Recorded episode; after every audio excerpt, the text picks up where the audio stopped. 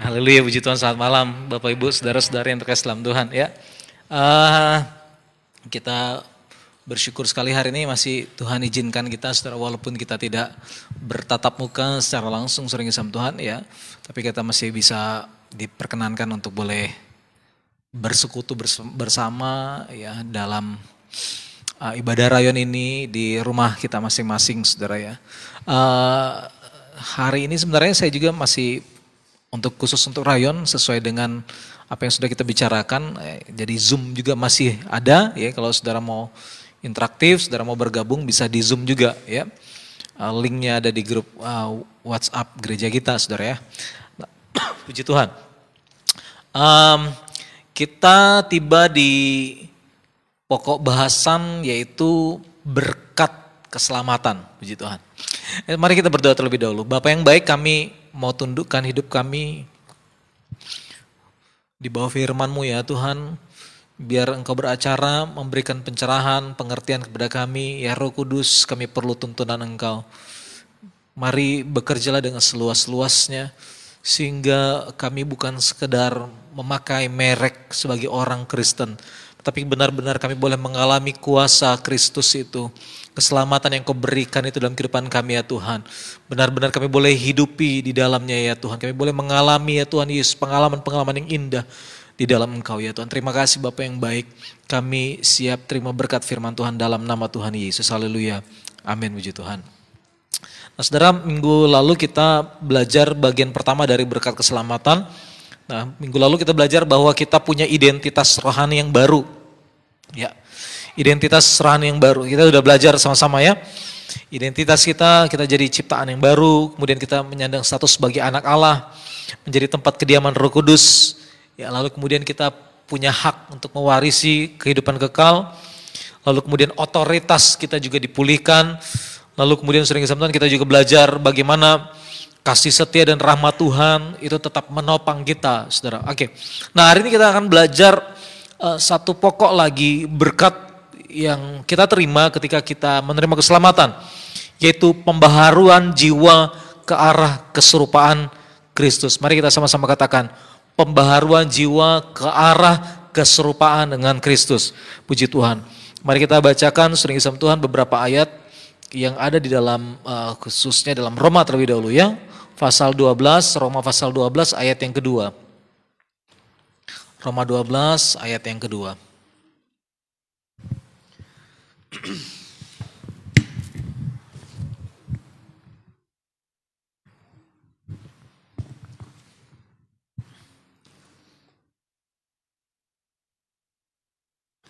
Roma pasal yang ke-12 ayat yang kedua Bapak Ibu saudara-saudara yang terkait Islam Tuhan mari kita bacakan bersama-sama ayat ini ya Roma pasal yang ke-12 ayat yang kedua. Ya, satu, dua, tiga. Janganlah kamu menjadi serupa dengan dunia ini, tetapi berubahlah oleh pembaharuan budimu, sehingga kamu dapat membedakan mana kehendak Allah, apa yang baik, yang berkenan kepada Allah, dan yang sempurna. Puji Tuhan. Nah, saudara yang terkasih dalam Tuhan, uh, ini Roma ini adalah salah satu tulisan dari Rasul Paulus. Kita tahu sama-sama bahwa uh, Paulus ini menuliskan sebagian besar um, kitab yang ada dalam perjanjian baru, saudara ya. Uh, diperkirakan sering kesam Tuhan, Ibrani pun ditulis oleh Paulus, walaupun memang ada beberapa yang mengatakan bisa juga itu ditulis oleh Apolos ya karena ada beberapa perbedaan. Tapi saudara saya rasa kita tidak usah terlalu memusingkan hal itu, saudara. Nah, Roma ini saudara adalah salah satu tulisan yang menjadi kalau boleh saya katakan sering kesam Tuhan, surat yang berisi banyak sekali doktrin-doktrin pengajaran-pengajaran, saudara. Ya, doktrin pengajaran itu banyak ada di dalam kitab Roma. Roma dan Ibrani itu saudara iman karena kasih karunia dan iman karena, sorry, keselamatan karena kasih karunia dan keselamatan karena iman. Saudara ya, jadi ini tema, dua tema dari Roma dan Ibrani, sering kesam Tuhan. Nah, salah satu ciri dari Paulus adalah dia membuka dengan salam lalu kemudian dia mulai menyatakan konsep-konsep saudara atau kalau boleh kita katakan pengajaran-pengajaran ya konsep keselamatan dan lain sebagainya sering Tuhan. Pengajaran ada doktrin-doktrin yang kemudian kita dapat dari situ saudara. Nah lalu kemudian Paulus sebelum dia menutup dia kemudian me, me, me, membuat saudara bagian yaitu praktikalnya hidup secara praktisnya sering Tuhan mempraktekkannya.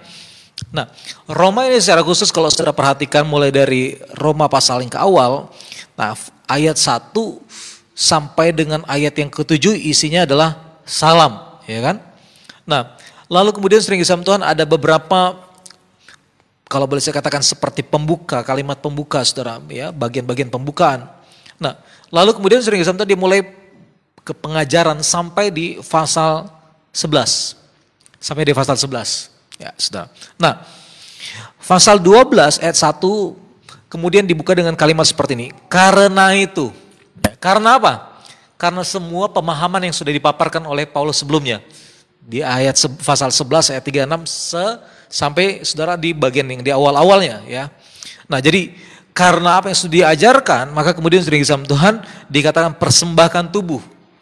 Nah saudara um, tetapi saudara terkeselam Tuhan di ayat yang kedua yang kita kemudian baru saja baca saudara di sini katakan kayak gini bahwa ternyata bahkan ketika kita menerima keselamatan daripada Tuhan, sudah sama Tuhan, maka itu adalah pekerjaan kita seumur hidup seperti itu. Sehingga kemudian dikatakan jangan sampai saudara kita menjadi serupa dengan dunia, tetapi sebaliknya kita berubah lewat apa? Pembaharuan budi kita, cara berpikir kita, kayak gitu. Nah, saya berulang-ulang kali bilang bahwa sering Islam kita konsumsi informasi yang uh, beredar di di dalam dunia ini, saudara, sehingga kalau sering Islam kayak gini, kalau informasi itu ya hoax, misalkan hoax itu disampaikan berulang-ulang kali, saudara, maka hoax itu bisa jadi seperti kebenaran gitu. Itu salah satu teknik brainwash ya, mencuci otak itu uh, hoax ya disampaikan berulang-ulang kali, gitu saudara berulang-ulang kali sehingga kemudian orang menganggap itu sebagai sebuah kebenaran. Nah, kadang-kadang bukan juga hoax, tapi sering disebut Tuhan kebenaran yang bukan berasal dari Allah, kayak gitu. Contoh, kalau misalkan saudara yang Tuhan, um, sorry ya, saya beberapa waktu ini kadang-kadang saya buka handphone ya, lalu saya main game, kemudian muncul iklan, saudara. Muncul iklan, ada satu satu game ya di iklan itu saudara membuat simulasi, simulasi orang berpasangan. Lalu kemudian sering kesam Tuhan, misalkan pasangannya lakukan ini, ya. Lalu di situ kita memilih apa, jalan hidup kita apa. Ya tambah gamenya kalau saya nggak salah episode iklannya, saya lihat iklannya seperti itu. Ada di situ dituliskan cerai, ya. Pelanggaran yang kedua yang dilakukan oleh pasangan, cerai lagi, divorce, divorce, divorce. Seperti itu sering sama Tuhan. Nah, um, dunia itu lagi lagi menanamkan nilai saudara seperti itu kepada kepada kita saudara. Sehingga kemudian dibuatlah lumrah perceraian itu. Gitu. Ya. Kalau misalkan suami kamu lakukan ini maka kamu pantas untuk minta cerai. Padahal kita tahu sama-sama bahwa Tuhan benci perceraian saudara. Jadi saudara yang Islam Tuhan kalau ini di, disampaikan berulang-ulang kali maka terjadi yang namanya saudara degradasi nilai saudara. Nilai kekristenan dalam kehidupan kita. Kita mulai menurunkan standar hidup kita. Kayak gitu. Nah, sementara Tuhan minta kayak gini, supaya kita bukan terpengaruh dengan dunia, tetapi kita justru mempengaruhi dunia. Amin. Kita bukan terpengaruh oleh dunia, tetapi kita mempengaruhi dunia. Saudara. Bagaimana caranya kita mempengaruhi? Maka sering Tuhan kita tahu sama-sama bahwa hidup kita dibaharui dan kita juga kemudian menjadi terang. Nah ayat yang kita sudah baca katakan saudara, jangan jadi serupa dengan dunia gitu. Jangan tetapkan standar dunia dalam kehidupan kita. Misalnya gini sering Islam Tuhan. Ya, misalkan sering kali kita berpikir bahwa oh nggak apa-apa kok lakukan ini, orang di sana juga lakukan seperti itu. Ya kan? Nggak apa-apa kok ini bukan bukan sebuah kesalahan orang semua juga lakukan ini. Enggak, sering Islam Tuhan. Roma bilang kayak gini, ya di dalam Roma, kalau engkau merasa bahwa itu adalah sesuatu yang salah, saudara, bahkan saudara terkait dalam Tuhan, ya, Bahkan kalau bagi orang dunia sekalipun itu nampaknya tidak salah, itu menjadi sesuatu yang lumrah. Tapi kalau dalam hati kita kita merasa tidak damai sejahtera, maka firman Tuhan katakan, kalau engkau lakukan itu, engkau berdosa. Saya punya ayatnya saudara, kita lihat saja ya. Roma 14 ayat 23. Roma 14 ayat 23. Saudara tinggal tinggal mundur sedikit ya. Roma 14 ayat yang ke-23 bunyinya kayak gini. Barang siapa yang bimbang kalau ia makan ia telah dihukum karena ia tidak melakukan berdasarkan iman. Segala sesuatu yang tidak berdasarkan iman adalah dosa. Nah, Saudara, saya coba saya lihat dulu. Salah satu terjemahan bilang kayak gini sering sama Tuhan. NLT dia bilang kayak gini. If you do anything you believe is not right, kalau engkau melakukan sesuatu yang engkau merasa, engkau percaya bahwa itu tidak baik, tidak benar, tapi engkau lakukan itu, maka you are sinning, engkau melakukan dosa. Kayak gitu. Sering kan kita saudara melakukan sesuatu lalu kemudian sering sama Tuhan dalam hati kita kita merasa nggak damai. Semua orang lakukan itu. Semua orang lakukan itu sering sama Tuhan. Nah, ketika kita lakukan itu kemudian dalam hati kita mulai bernegosiasi, kita mulai berkompromi. Kita kompromi bahwa ah semua orang juga lakukan. Berarti ini bukan sesuatu yang bukan sesuatu yang vital. Ya kan? Nah, firman Tuhan bilang kayak gini, kalau engkau lakukan itu, maka engkau berdosa. Entah itu standar dunia anggap itu tidak masalah, tapi Tuhan punya standar yang berbeda. Nah, saya ingin bilang kayak gini sering sama Tuhan bahwa inilah yang Tuhan mau supaya pikiran kita itu mengenakan pikiran Kristus bukan pikirannya dunia. Kayak gitu. Kita diubahkan dengan cara pikirnya Kristus, kayak gitu, Saudara. Oke. Ketika Saudara jiwa kita ini, pikiran kita ini, akal budi kita ini sering sama Tuhan diubahkan kepada keserupaan dengan Kristus, maka Saudara di situlah Saudara kita bisa mengalami kalau saya Saudara ingat konteks daripada Roma 8 kemarin ya, segala perkara mendatangkan kebaikan, ya, lalu Tuhan di pihak kita, Tuhan memberikan kemenangan. Saya itu khotbah kapan itu saya? Hari Jumat mungkin ya? Atau hari Minggu saya lupa ya. Maka sering sama Tuhan, intinya adalah kita berjalan di dalam kehendak Roh Kudus, ya kan? Kayak gitu. Jadi kalau kita tidak berjalan dalam kehendak Roh Kudus, tidak dalam kehendaknya Tuhan, maka Mohon maaf saudara, segala perkara mendatangkan kebaikan itu mungkin hanya sekedar kata-kata manis, sekedar kata-kata motivasi, bukan kita alami gitu. Ya. Tapi ketika kita berjalan dengan Tuhan, maka walaupun ada hal yang buruk sekalipun, datang aniaya sekalipun, maka kita tahu itu mendatangkan kebaikan. Waktu kita berjalan dalam tuntunan roh kudus.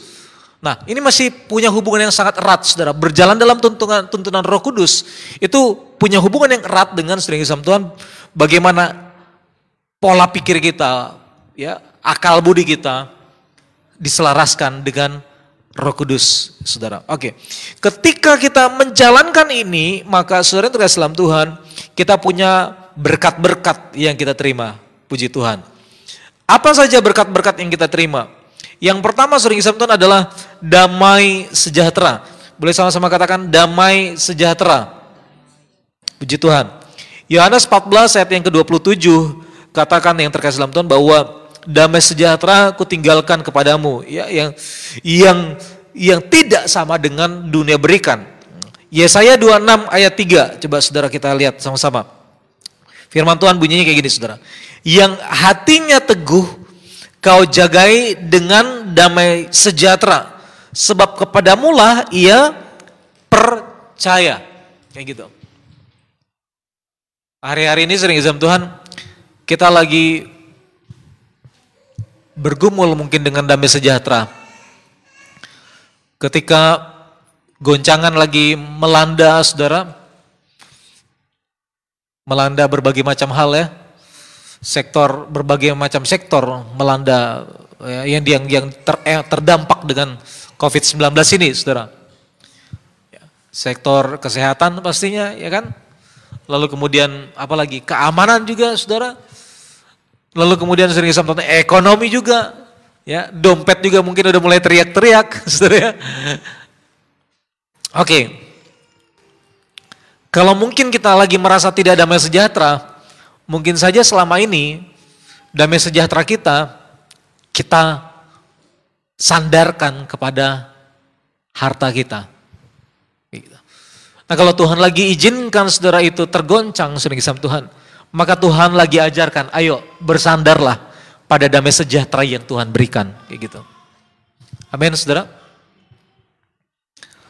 Banyak sekali kesaksian, ya, banyak sekali kesaksian yang saya lihat di Facebook ya termasuk salah satu anak Tuhan juga ya di masa-masa yang sukar ya hari ini uh, puji Tuhan gereja kita kita jalankan lagi perjalanan diakonia kita yang kedua ya yang pertama kita udah sebarkan sekitar 50 paket dan yang kedua ini kita juga sebarkan 50 paket ya jadi dalam ya dua minggu lalu kita sebarkan 50 paket dan hari ini tadi sekitar 50 paket juga saudara salah satu kemudian bilang puji Tuhan ya terima berkat karena memang beras sudah sangat menipis.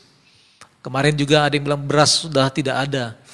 Lalu kemudian sering Tuhan ada juga yang mendapat berkat dari salah satu ya anak Tuhan yang lainnya. Lalu dibilang puji Tuhan sudah tidak ada uang sama sekali tapi dapat berkat saudara yang luar biasa. Nah saya ingin bilang ini sering Tuhan kalau Tuhan lagi didik kita, kita alami kekurangan saat ini, lalu kemudian damai sejahtera kita itu mulai hilang, mungkin Tuhan lagi didik supaya damai sejahtera kita bukan dilandaskan kepada harta dan benda, tapi dilandaskan kepada Tuhan sebagai landasan hidup kita. Amin, saudara. Puji Tuhan. Nah, kalau kita alami ini, maka sering Tuhan kita semakin terdidik bahwa damai sejahtera bukan karena keadaan. Damai sejahtera itu sesuatu yang kita peroleh dari hubungan kita dengan sang punya segalanya, saudara. Kayak gitu. Ya. Haleluya. Puji Tuhan. Ya. Saudara terkait Islam Tuhan. Jadi sekali lagi saudara, jangan sampai damai sejahtera kita ditentukan oleh keadaan, situasi. Damai sejahtera ini harus tetap ada di dalam hidup kita. Karena ini adalah berkat keselamatan yang kita terima. Puji Tuhan. Ya, oke. Yang kedua, sukacita. Mari kita baca sama-sama Yohanes 15 ayat yang ke-11. Yohanes pasal yang ke-15 ayat yang ke-11. Ada yang sudah dapat tolong bacakan? Di sana ada mic kayaknya sini. Oh iya. Bisa. Ya.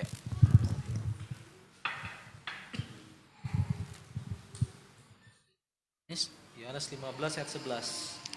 Yohanes 15 ayat yang ke-11. Semuanya itu kukatakan kepadamu supaya sukacitaku ada di dalam kamu dan sukacita menjadi penuh. Amin. Puji Tuhan. Haleluya, Saudara. Puji Tuhan. Damai sejahtera, Saudara, itu ada di dalam batin, ya. Nah, sering kali tidak terlalu ketahuan gitu, tidak terlalu nampak, tapi sukacita berbeda. Sukacita itu sering disam Tuhan itu keluar Ya, sukacita itu keluar sering sama Tuhan. Jadi dari dalam hati kita kita temukan damai sejahtera. Lalu kemudian saudara itu bukan saja tinggal di dalam, kemudian dia meluap keluar sering sama Tuhan. Ya. Saudara tahu nggak bahwa uh, sukacita itu menular, gitu. Sukacita itu menular. Ya. Pernah um, saudara lagi lagi dalam keadaan yang sangat tidak baik, lalu kemudian orang datang, memberikan senyuman kepada Anda. Apa yang saudara lakukan? Apa yang saudara balaskan kepada dia? Kalau dia berikan senyuman, saya rasa secara alami yang kita lakukan adalah kita memberikan juga senyuman, ya kan? Betul kan saudara ya? Nah, itu itu berarti sukacita menular, saudara. Pernah dibuat sebuah sebuah uh, uji coba sosial, saudara kesam Tuhan, seorang uh, di kereta ya, lalu kemudian dia lagi membaca sesuatu kemudian atau menonton sesuatu kemudian dia ketawa-ketawa saudara. Ketika dia ketawa-ketawa sering sama Tuhan orang mulai lihat lihatin, oh, kenapa tuh orang ketawa? Tapi kemudian orang mulai ikut tertawa juga bersama dengan dia, gitu. Nah, saudara, jadi damai di dalam, sukacita meluap. Amin saudara. Ingat firman Tuhan bilang apa? Hati yang gembira adalah obat yang manjur, tetapi semangat yang patah me ngeringkan tulang sering Tuhan. Oke. Jadi kayak gini saudara, ya. Saudara mau alami suasana sorgawi, ini salah satu berkat yang Tuhan kasih sama kita. Sukacita. Puji Tuhan. Sukacita adalah salah satu berkat yang Tuhan berikan sama kita supaya saudara bisa menikmati juga sering Tuhan karya-karya Tuhan di dalam dunia ini, saudara. Puji Tuhan. nah, saya teringat satu ayat ya, saudara ya.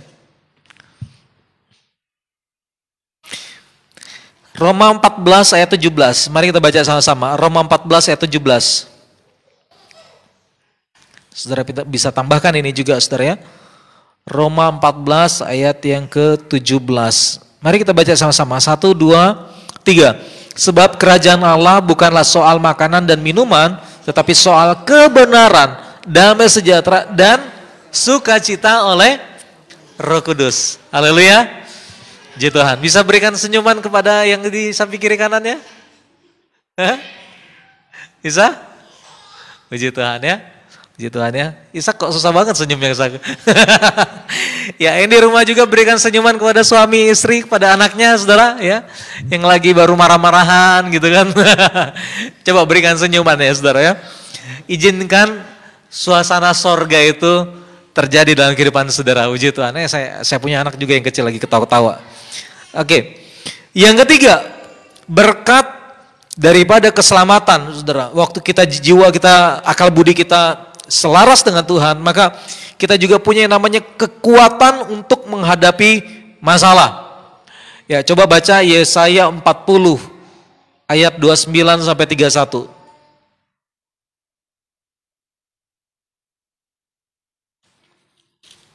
Yesaya 40 ayat 29 sampai 31. Kita baca ya. Ya. Dua, tiga. Dia memberi kekuatan kepada yang lelah dan menambah semangat kepada yang tiada berdaya. Orang-orang muda menjadi lelah dan lesu dan teruna-teruna jatuh tersandung. Tetapi orang-orang yang menanti-nantikan Tuhan mendapat kekuatan baru. Mereka sumpah Raja Wali yang naik terbang dengan kekuatan sayapnya. Mereka berlari dan tidak menjadi lesu. Mereka berjalan dan tidak menjadi lelah. Puji Tuhan. Nah sering sama Tuhan, jadi ini berkat yang Tuhan berikan kepada kita yang selanjutnya yaitu kekuatan untuk menghadapi masalah. Haleluya. Puji Tuhan. Haleluya. Ada yang tenaganya udah mulai kurang saudara? Ayo. Ayo ingat Tuhan sumber kekuatan. Ingat bahwa 1 Korintus 10 13 katakan sering sama bahwa pencobaan-pencobaan yang kita alami tidak melampaui batas kekuatan kita, ya kan? Apabila sering sama kita udah mulai kepepet maka tangan Tuhan selalu tersedia. Nah, saudara yang dalam Tuhan, jadi Tuhan berikan kepada kita kekuatan. Nah, saudara tahu bahwa saya senang sekali satu ayat yang saya sering kali saya singgung ini di dalam Mazmur 84. Mazmur 84 itu dikatakan sering sama Tuhan kalau saya nggak salah ayat 8 atau ayat 11 kita sekitar ayat situlah. Di situ dikatakan bahwa saudara mereka hendak naik ke Gunung Sion. Ya, tapi kemudian dikatakan sering sama Tuhan bahwa kekuatan mereka bukan semakin sedikit. Justru mereka berjalan makin kuat hendak naik ke Gunung Sion. Ya gitu. Kita tahu sama-sama bahwa Gunung Sion ada apa di Gunung Sion? Ada rumah Tuhan. Ya, ini bukan bicara tentang bangunannya, ini bicara tentang siapa yang ada di sana, yaitu Tuhan gitu saudara. Ini bicara tentang hadirat Tuhan. Nah, kita tahu sekarang bahwa hadirat Tuhan tidak dibatasi lagi dengan gedung, saudara. Saudara pun di rumah, saudara bisa alami hadirat Tuhan malam hari ini, saudara. Nah waktu kita berlari ke hadirat Tuhan, maka sering kisah Tuhan, firman Tuhan katakan, kita semakin kuat di dalam Tuhan. Amin. Ya, jadi Ayo semua yang letih lesu dan berbeban berat mari datang kepada Tuhan. Tuhan bilang, aku beri kelegaan kata Tuhan. Ya, aku berikan kekuatan, aku berikan kuasa untuk menanggung seperti Raja Wali sering Sabtuan yang naik terbang dengan kekuatan sayapnya. Oke. Nah saudara, gini, saya bicara sedikit, singgung sedikit mengenai satu peristiwa yang terjadi sering Sabtuan di antara sangkakala, di pertengahan sangkakala keempat ya yang kemudian kita percaya itu sering disebutkan adalah penyingkiran gereja atau mempelai Kristus, saudara. Ya, dikatakan bahwa saudara mereka naik dengan sayap burung nasar, gitu, terbang dengan sayap burung nasar. Nah, sekali lagi saudara, ini bicara tentang apa? Ini bicara tentang Roh Kudus. Jadi dalam masa-masa kesesakan, dalam masa-masa seperti ini sering Tuhan dalam pergumulan, mari saudara datang cari hadirat Tuhan, nikmati kuasa roh kudus. Dia berikan kekuatan, dia berikan kuasa, sering sama Tuhan. Dan ini bukan sekedar sugesti, bukan sekedar sugesti, saudara. Ini mengandung janji, ini mengandung berkat, saudara. Oke, kekuatan untuk menghadapi masalah. Yang berikutnya, sering sama Tuhan. Mari kita lihat sama-sama lagi. Kelepasan dari kuasa kegelapan atau okultisme. Ya. Nah ketika kita lahir baru, sering sama Tuhan, roh kita dibebaskan tapi iblis masih bisa mempengaruhi pikiran dan perasaan kita. Kita harus menegakkan otoritas yang telah direbut kembali oleh kemenangan Kristus dengan cara memperkatakan dan mendeklarasikan firman Tuhan. Saudara. 1 Yohanes 4 ayat 4 katakan roh yang ada pada kita lebih besar daripada yang ada dalam dunia ini sering Tuhan. Ya. Nah saudara, kayak gini, kita tahu sama-sama bahwa bumi ini direbut oleh iblis dari manusia. Ketika manusia jatuh ke dalam dosa, maka otoritas yang manusia miliki itu diserahkan sama iblis, saudara. Nah iblis itu berusaha mengikat, terus berusaha mengikat sering sama Tuhan. Ya. Ada beberapa tradisi yang saudara bahkan sejak anak baru lahir kemudian sudah dibuatkan acara-acara ya dikasih makan apa segala macam ya gitu dimandiin dan lain sebagainya saudara ya. Nah, saudara tapi ketika kita diselamatkan, sering Tuhan, roh kita dibebaskan. Tapi tidak cukup sampai di situ, saudara. Seluruh hidup kita harus menerima kelepasan dari Tuhan, gitu. Jiwa kita harus mengalami kelepasan, saudara. Satu kali sering Tuhan, kami pernah melayani, ada beberapa kali kami pelayanan, saudara, dan ya keluar benda-benda dari tubuh orang yang diadakan pelepasan itu sering Tuhan. Jadi, saudara, um, waktu Tuhan tebus kita, Tuhan juga sering sama Tuhan berikan berkat kelepasan dari kuasa kegelapan. Amin. Puji Tuhan, ya. Nah, berkat berikutnya itu berkat di sepanjang perjalanan kita. Oke. Mari kita baca sama-sama di dalam beberapa ayat ya. Mazmur 91 ayat 9 sampai 11 ini ayat yang lagi booming sekarang ya. Mazmur 91 ayat 9 sampai 11. Mazmur pasal 91 ayat 9 sampai 11. Mari kita baca sama-sama Saudara. Saudara sudah dapat, mari kita bacakan ayat ini Saudara yang terkait dalam Tuhan. Ayat 9 sampai 11, 1, 2, 3. Tempat perlindunganmu, yang maha tinggi telah kau buat tempat perteduhanmu. Malah petaka tidak akan menimpa kamu, dan tulah tidak akan mendekat kepada kemahmu. Sebab malaikat-malaikatnya akan diperintahkannya kepadamu, untuk menjalan kau di segala jalanmu. Katakan amin saudara. Jadi kita ada dalam perlindungan daripada Tuhan. Hadirat Tuhan menyertai Tuhan. Dan saudara tahu bahwa bukan saja malaikat, karena kita tahu sama-sama saudara bahwa orang Israel disertai oleh yang namanya tiang awan dan tiang api. Dan kita tahu bersama-sama ini bicara tentang penyertaan Tuhan sendiri. Ini adalah simbol Tuhan ada bersama di dalam orang Kristen di dalam orang Israel sering sama Tuhan. Ya. Nah, saudara tahu bahwa Musa sendiri bilang, Tuhan kalau bukan engkau yang bersama dengan kami, jangan suruh kami pergi. Ya, saudara. Dan kita tahu sama-sama kemudian Tuhan nyatakan saudara penyertaan itu lewat keberadaan tiang awan dan tiang api, saudara. Hadirat Tuhan juga berlaku dalam kehidupan kita. Amin, saudara. Ada begitu banyak kesaksian demi kesaksian sering sama Tuhan Orang mengalami kecelakaan tetapi diluputkan. Ya. Diluputkan sering sama Tuhan. Haleluya. Nah saya ajak kita baca saudara Mazmur 37, 23 sampai 24. Saya baca saja ya. Mazmur pasal 37 ayat 23 sampai 24. Tuhan menetapkan langkah-langkah orang yang hidupnya berkenan kepadanya. Apabila ia jatuh tidaklah sampai tergeletak sebab Tuhan menopang tangannya. Ingat lagunya apa? Tuhan menetapkan langkah-langkah orang yang hidupnya berkenan kepadanya. Apabila ia jatuh tak sampai tergeletak. Sebab Tuhan menopang tangannya. Ya kan? Tuhan menopang tangan Anda. Sama-sama katakan dengan iman. Tuhan menopang tanganku. Puji Tuhan. Nah, saudara, saya suka satu terjemahan NLT dia bilang kayak gini, The Lord directs the steps of the godly. Tuhan mengarahkan langkah-langkah dari orang yang saleh, orang yang takut akan Tuhan. He delights in every detail of their lives. Tuhan senang saudara memperhatikan setiap detail daripada kehidupan orang percaya. Ya, ini terjemahan NLT saudara. Jadi apa yang kita perlu khawatirkan sering sama Tuhan? Detail saja Tuhan perhatikan. Ya, detail kita saja Tuhan perhatikan. Ingat beberapa waktu lalu, rambut saja Tuhan hitung, gitu. Ya, saudara. Sementara orang lain sering sama Tuhan kita sendiri tidak terlalu perhatikan, saudara. Ya, rambut saja Tuhan tahu, Tuhan mengerti. Ada hal-hal yang kita tidak perhatikan mengenai diri kita sendiri sering sama Tuhan. Tuhan pun bahkan ternyata perhatikan. Amin. Apa yang kau makan, engkau minum, engkau pakai saudara, pasti Tuhan perhatikan. Begitu. Karena itu kebutuhan primer kita. Ya kan? Masa depan kita Tuhan perhatikan. Ya. Jodoh kita Tuhan perhatikan. Amin. Nah.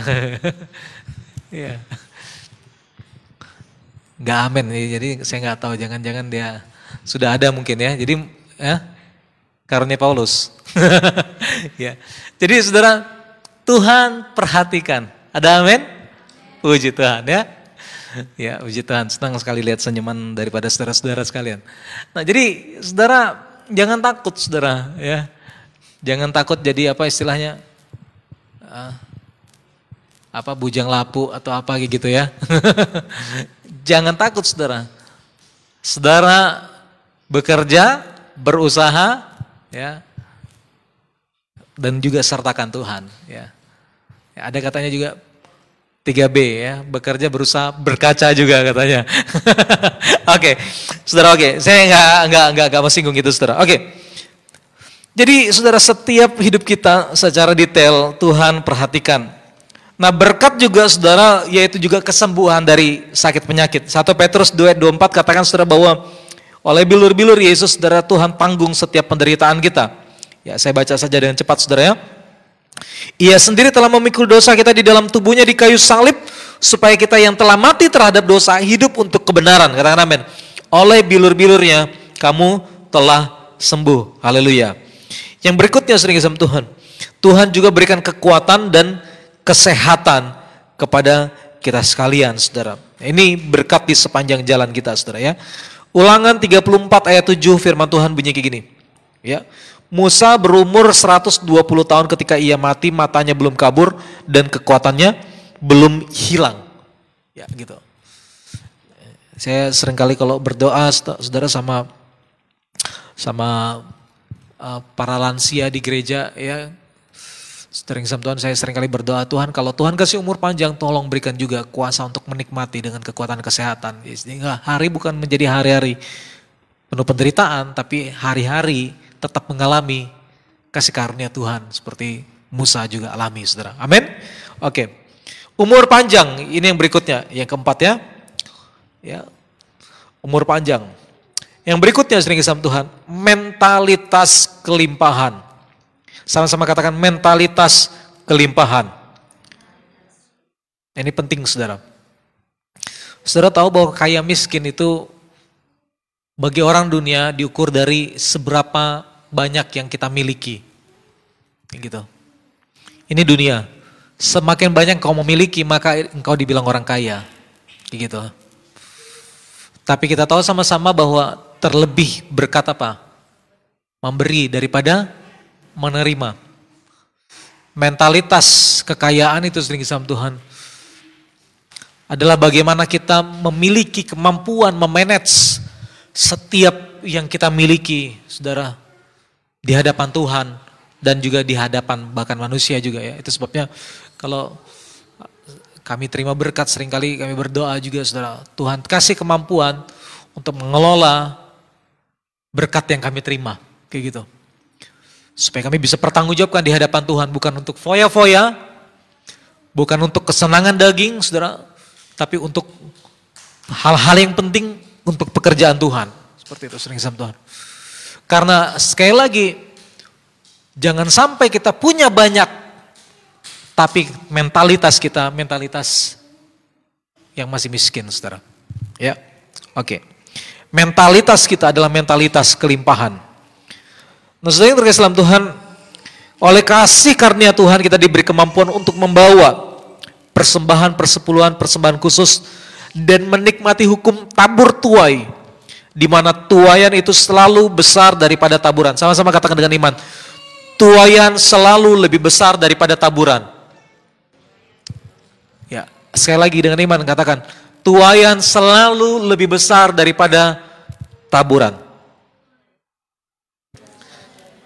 Ingat ini satu hukum saudara yang Tuhan bilang, selama bumi masih ada dalam kejadian 8, maka hukum ini masih berlaku. Siapa yang menabur dia akan menuai. Amin saudara? Oke. Nah saudara, banyak sekali ayat ya mengenai memanage keuangan saudara ya. Dan saya ingin mengajak kita sering sama Tuhan untuk kita tidak ukur dengan apa yang kita miliki ya saudara. Tapi ukurlah sering kesab Tuhan dengan bagaimana mindset kita terhadap berkat yang kita terima itu saudara. Banyak ayat di dalam Amsal saudara ya, saya bacakan saja dengan cepat ya. Amsal 11 ayat yang ke 18. Orang fasik membuat laba yang sia-sia. Tetapi siapa menabur kebenaran mendapat pahala yang tetap. Katakan amin. Nah ini istilahnya kalau Yeremia bilang, Yeremia 2 ayat 13 bilang kayak gini engkau mengumpulkan di kolam yang bocor gitu. Ya, menghasilkan laba yang sia-sia. Kayak gitu Saudara ya. Tetapi siapa menabur kebenaran mendapat pahala yang tetap. Haleluya. Amsal pasal yang ke-6 ayat 6 sampai 11. Ya. Mari kita lihat sama-sama. Saya bacakan Saudara. Hai pemalas pergilah kepada semut, perhatikanlah lakunya dan jadilah bijak Biarpun tidak ada pemimpinnya, pengaturnya atau penguasanya yang menyediakan rotinya di musim panas dan mengumpulkan makanannya pada waktu panen. Hai pemalas, berapa lama lagi engkau berbaring? Bilakah engkau akan bangun dari tidurmu? Tidur sebentar lagi mengantuk, sebentar lagi melipat tangan, sebentar lagi untuk tinggal berbaring. Maka datanglah kemiskinan kepadamu seperti seorang penyerbu dan kekurangan seperti orang yang bersenjata. Saudara. Nah, saudara yang Tuhan, mentalitas kelimpahan itu ada tiga poin ya. Pertama, mengembalikan milik Tuhan. Yang kedua, meresponi hukum tabur tuai. Dan yang ketiga, kita rajin bekerja. Gitu. Kita rajin bekerja. Ingat bahwa orang Israel mereka terima setiap hari mana dan juga burung gagak. Tapi ada ada tanggung jawab mereka, ada tugas mereka, saudara. Mereka harus bangun, lalu kemudian mengumpulkan itu. Ada bagiannya Tuhan memberkati, ada bagian kita juga untuk mengumpulkan gitu. Ada bagiannya Tuhan untuk sering Tuhan melakukan apa yang tidak bisa kita lakukan. Ingat firman Tuhan bilang gini, berkat Tuhanlah yang menjadikan apa? Berkat Tuhan yang menjadikan kaya. Gitu. Susah payahmu tidak akan menghasilkan apa-apa. Jadi sering kisah Tuhan, saudara kalau kita menjungkir balik kerja dengan segala macam cara sering kisah Tuhan. Kita mungkin udah pakai overship dan lain sebagainya, saudara. Tapi kita lupa bahwa Tuhan yang kasih kekayaan. Bisa saja uang yang kita kumpulkan dengan sekejap melayang di mana saja, ya. Di mana saja sering sama Tuhan. Ya. Tadi rumah sakit atau di mana saja kita nggak tahu, saudara. Tapi saya ingin bilang kayak gini, saudara, bahwa mentalitas kelimpahan dia bisa mempertanggungjawabkan setiap berkat yang dia terima dari Tuhan. Si Tuhan. Ya. Tuhan Yesus memberkati kita sekalian, saudara. Ada proyek ketaatan sering sama Tuhan.